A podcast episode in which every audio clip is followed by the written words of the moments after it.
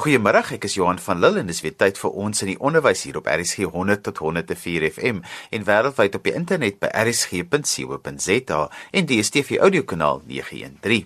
Vandag gaan ons in die onderwys gaan ons gesels oor onderwys in Indië en wat ons as Suid-Afrikaners by hulle kan leer. En ons gaan maak ook 'n draai by die stigting vir bemagtiging deur Afrikaans. Dr. Yuri Ober is 'n bekende navorser, historikus, afgetrede dosent en is ook die laaste paar jaar baie betrokke by die bevordering van multigraad onderwys in Suid-Afrika. Ek het met hom gesels oor sy onlangse toer na Indië waar hy baie interessante waarnemings gemaak het oor hoe hulle probleme in hulle onderwysstelsel aanpak en ek wil by hom weet hoe ons hier plaaslik daarbey kan baat vind. Yuri, jy was onlangs in Indië gewees en jy het jy spesifiek gaan kyk na opvoedkundige behoeftes daar. Waarna het jy gaan kyk en hoe het jy dit ervaar? Dink ek is in daai opsig baie gelukkig want ek het uh, in Suid-Afrika hele tyd betrokke gewees by die sentrum vir multigraad uh, onderrig en deur so werk leer jy baie mense ken wat baie kundig is. En in die multigraad wêreld is daar twee groot projekte wat ek dink wat die beste is. Die een is in Kolumbie. Die ander een is in Indië. Indië se een is iets baie besonders want hy het 'n klomp kenmerke. Wat toe gebeur het is dat die hoof van die projek uh, Rao Padrao, die man wat daar glo hy gaan nog die Nobelprys wen vir onderwys vir wat hy reg gekry het. Hy is verbonde nou al vir 30 jaar aan 'n reuse projek, die River Valley Institute wat uh, materiaal in um, pedagogiek skep vir arm kinders. Nou so tussen in dit was natuurlik my grootste ondervinding dat vir 'n Suid-Afrikaner om te sien wat 'n massa klomp mense daar in Indië is, is eintlik verstommend as as jy dink aan die hoeveelheid skole en hoeveel kinders en wat hulle moet doen. Alles is net in in extreme teenoor ons. Nou die uh, projek lê omtrent in sentrale deel van uh, van Indië as ek in 'n soek stel in die Chittor distrik uh, die uh, al het 16 state Dis 'n spesifieke staat Andhra Pradesh. En die staat as ek toe ka rondgered het, ek baie in die Parel gedink. Met die granietkop uh, in die plase en so aan is vir boere of mense wat op plase bly of klipkappers soos hulle dit vir my verduidelik het. Dit beteken dat dat dit arm kinders is. En die projek wat die eienaars van die reuse stuk grond wat ook 'n voelparadys is, is eintlik die Hindoe geloof. En uit die Hindoe geloof uit die manier hoe hulle met kinders moet werk het uit die projek het ontstaan en die projek bestaan nou al 30 jaar.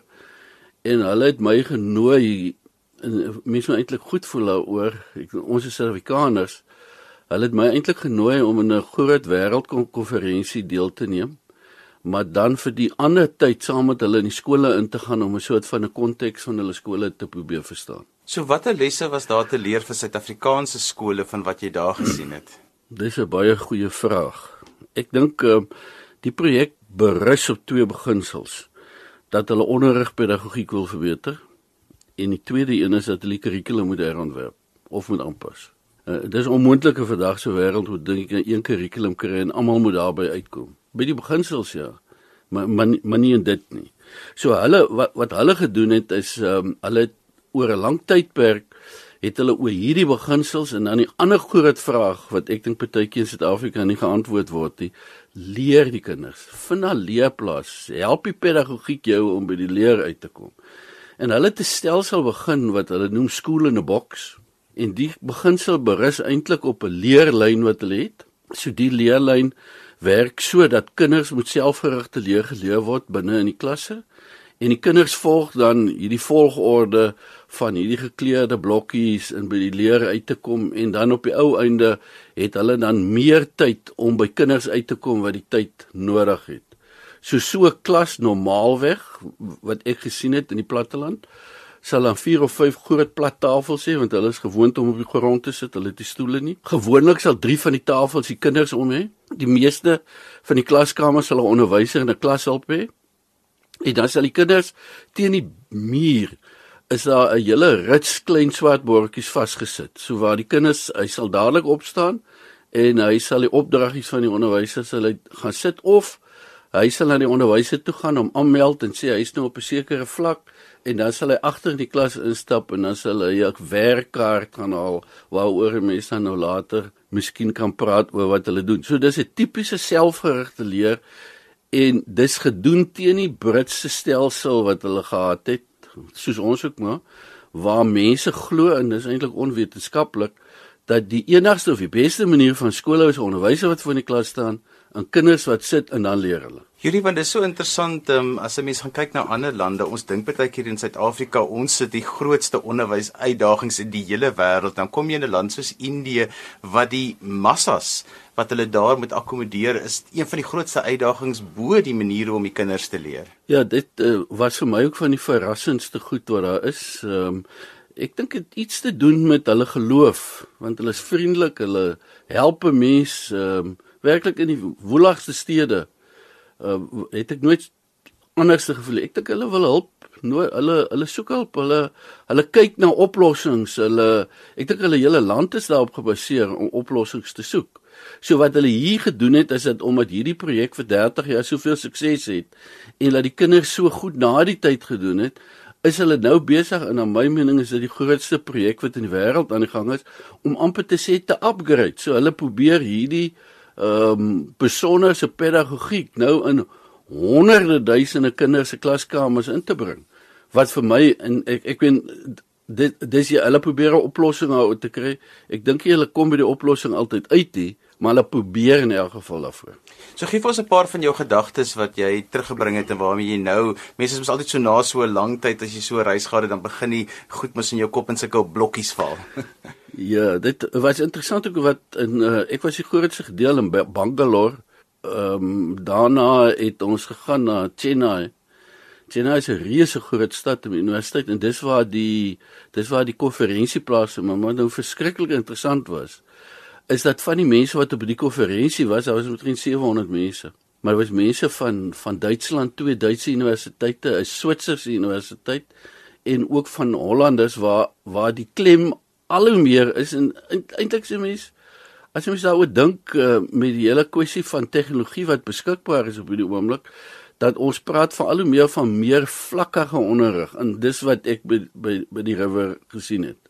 So dit gaan nie eintlik oor hoe oud jy is nie. Ek bedoel ons glo as jy 8 is moet jy in 'n sekere klas wees dit bestaan nie in daai stelsel in 'n groot mate nie so so ek weet dis dis die eerste ene. Verduidelik dit gou vir ons bietjie meer vlakkige onderwys. So meer vlakkig is dat jy nie die kind se ouderdom neem nie, maar dat jy sy ability level vat, die vlak waar waarop hy kan funksioneer. Dit beteken dis wat ek verwys het na die leerlyn, daai materiaal moet baie goed wees. Soos byvoorbeeld in ons in Suid-Afrika is alle handboeke eintlik gebaseer op een vlak wat jy moet studeer en dit word getoets. Kinders kan nie vorentoe gaan nie en as hy 'n probleem het en dit was een van die wonderlike goed wat ek gesien het. As vir hierdie kinders se ouers weggaan vir 3 maande en hy kom terug, dan val hy net weer in op die vlak waar hy was. So eh, wat ek dink hoekom meer vlakkig vir die Europeërs uh, ook aanstaan, dis die hele kwessie van van om in 'n tegnologie eeu te lewe. Dat 'n kind moet dis sy eie vlak en dis sy eie spoed leer. Ons is absoluut versot daarop dat 'n kind moet in sy ouderdom bly. O, ons het klop redes daarvoor, maar op die ouend in die leerproses is is dit 'n uh, is is is dit 'n uiters probleem. Wat vir my ook interessant was is die kaartjies uh, of die leerkaartjies wat wat uh, wat wat hulle nou gebruik het om die kind te laat voortgaan. Ehm um, is dat jy op elkeen van daai kaartjies die volgende sal kry. Hulle verduidelik die kind die leerkonsep. Ek dink een van die probleme is dat veral jonger kinders se stap in klasse in, hulle weet nie eintlik wat hulle nou in die klas gaan doen nie.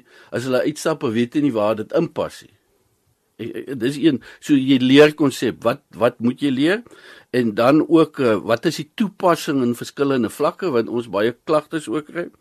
En dan die evaluering van wat jy gedoen het en dan is daar nog twee. Een as jy as jy op die vlak is, dan word jy verryk en as jy nie op die vlak is nie, word daar oefeninge vir jou gegee wat vir jou kan help om op die vlak te kom. En dit dit is dan die hele proses. So die hele proses lê eintlik hierin. En ek glo dis eintlik wat die tegnologie of sagte ware eintlik skitterende geleenthede vir ons bied om dit te kan doen. So watter lesse was daar te leer vir ons nou hierso wat um, onderwysers kan toepas in hulle klasse? Ja, ek uh, ek dink wat baie belangrik is want ek dink dit is 'n baie goeie vraag, maar ook 'n geleide vraag as ek dit sou kan sê. Is dat ons is so gewoond as jy met gewone onderwysers praat, sal hulle vir jou maklik sê, maar ek kan nie, die stelsel doen dit. Ek bedoel, dis geen antwoord nie. Ek dink 'n mens kan in enige klas gaan vir jou ekstra werk kos maar jy gaan in enige klas op vlakke kan kom en ekstra werk vir kinders as jy op vlakke. Ek meen jy jy moet net gaan kyk na Bloem of na Gardner of wat laat 'n kind net na dieselfde werk kan kyk uit verskillende hoeke uit is is vir uiterste belang. Ander interessante iets is vir my gewees. So as jy mens praat van getalle, jy weet ons het 27000 skole wat ek altyd dink wat verstommend baie is. Maar as jy mens vir hierdie mense praat, dan praat hulle van hulle upgrade hierdie stelsel na 100 000 skole toe. Eh, dit my kop kan nie dit altyd lekker verstaan nie. Hulle het eintlik twee goedjies gedoen wat hulle wat hulle streng toepas in die skole. Vergeet nou eers van die kurrikulum. Hulle sorg dat die kinders elke dag in die skool is en hulle sorg dat die onderwysers elke dag in die skool is. En ek dink dis 'n baie belangrike iets. Soos jy my vra onderwysers, maksimum tyd wat jy kan gebruik. Time on task jy moet sorg dat die kinders elke dag in skool is, laat hulle dit kan hoor en moenie kinders verveel nie. En so gesels dokter Yuri Uber oor sy onlangse besoek aan Indië. As jy sopas ingeskakel het, jy luister na ons in die onderwys saam met my Johan van Lille hier op RSG 100 tot 104 FM en wêreldwyd op die internet by rsg.co.za en ook op DStv audiokanaal 913. Net hierna gaan lê ons besoek af by die Stichting vir Bemagtiging deur Afrikaans. Bly ingeskakel, ons gaan net hierna verder gesels.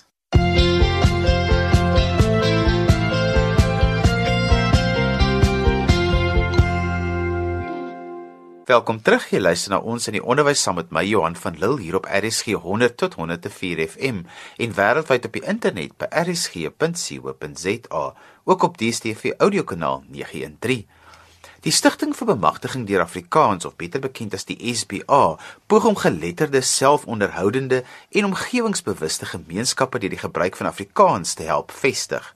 Onderwys lê die grondslag van die SPA se projekte wat dit behels die oordrag van kennis, vaardighede en waardes.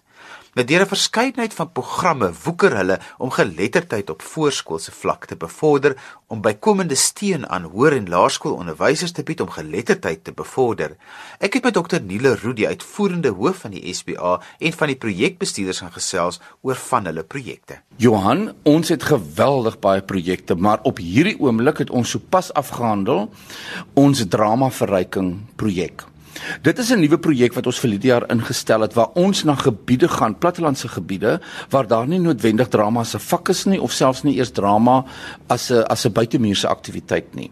En dan word talent geïdentifiseer en van daai kinders word dan gehelp met die doel om deel te neem aan die nasionale toneelspelkompetisie vir hoërskoolleerders. Nou Deslies sit hierso en sy het vir ons vir jaar by die Hessequa munisipaliteit gaan werk. Drie van ons skole daar, die Albertina Hoërskool, die Gerrit Du Plessis skool op Riverstal en die Melkoutfontein gekombineerde skool uh op Melkoutfontein. En ons was so gelukkig dat ons sewe leerders gehad het wat sy dan nou voort van gehelp het en doen sy al die moeite om te reis soontoe en vir hulle dan te help om hulle voor te berei.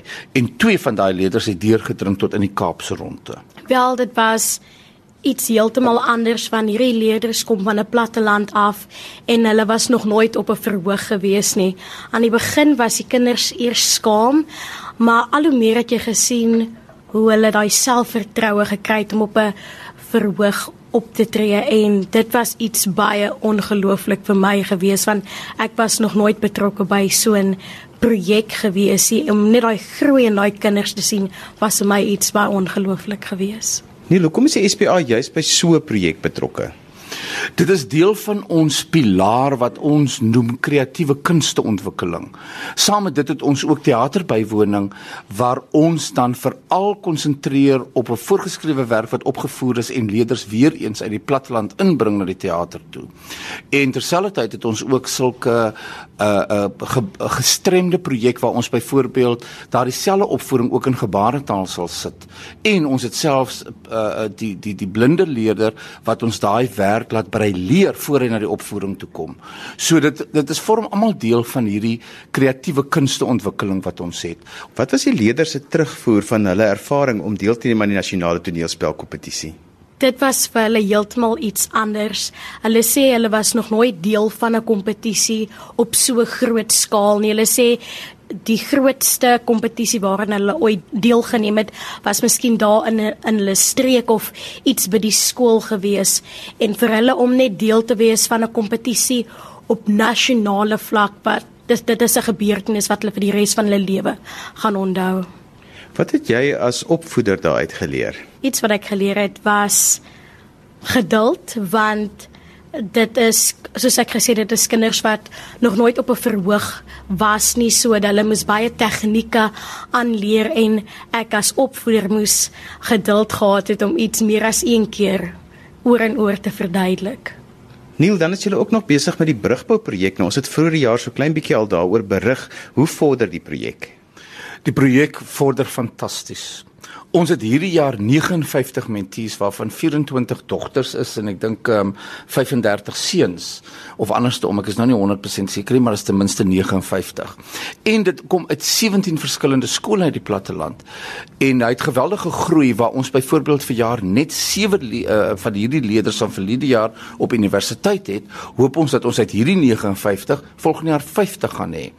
En hy groei in so 'n mate dat selfs die Universiteit van Stellenbosch het aangebied aangebied dat ons al hierdie mentees se inskrywingsfooi sal hulle dan laat laat ek weet nie wat die Afrikaans woord is nie maar laat fly laat laat hulle hoef dit te betaal nie omdat hulle deel is van hierdie mentee projek.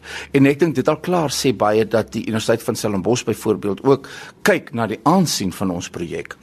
Wat ons hom ook laat doen het is daar was 'n geweldige groot impakstudie wat ek dink jy self by betrokke was waar daartoe besluit was dat ons gaan nou in klusters werk want dit is beter vir kinders om by mekaar te kom en saam met 'n mentor te werk as letterlike 1 tot 1 want daar is 'n bietjie van 'n intimidasie waar of wat die kind voel meer geïntimideer as hy met 'n mentor met 'n mentor sit as wat hy in 'n groepie saam met 'n mentor sit. So ons het daai ding ook nou verander en ons het al klaar 'n holistiese intrede werkwinkel gehou met al hierdie 59 mentees in in in April maand waar ons vir hulle die holistiese goed soos emosionele benadering, handhawing as jy op die universiteit kom, finansiële verantwoordelikheid waar ons hulle sulke tipe goeders uh uh meer ingelig het oor as dan net die hoë vlak taalgebruik wat nou die individuele sessies is wat nou plaasvind. Renet, toe ons laas met jou gepraat het, was jy nog by die skole besig om die kinders te kies. Vertel vir ons hoe vorder julle met die projek?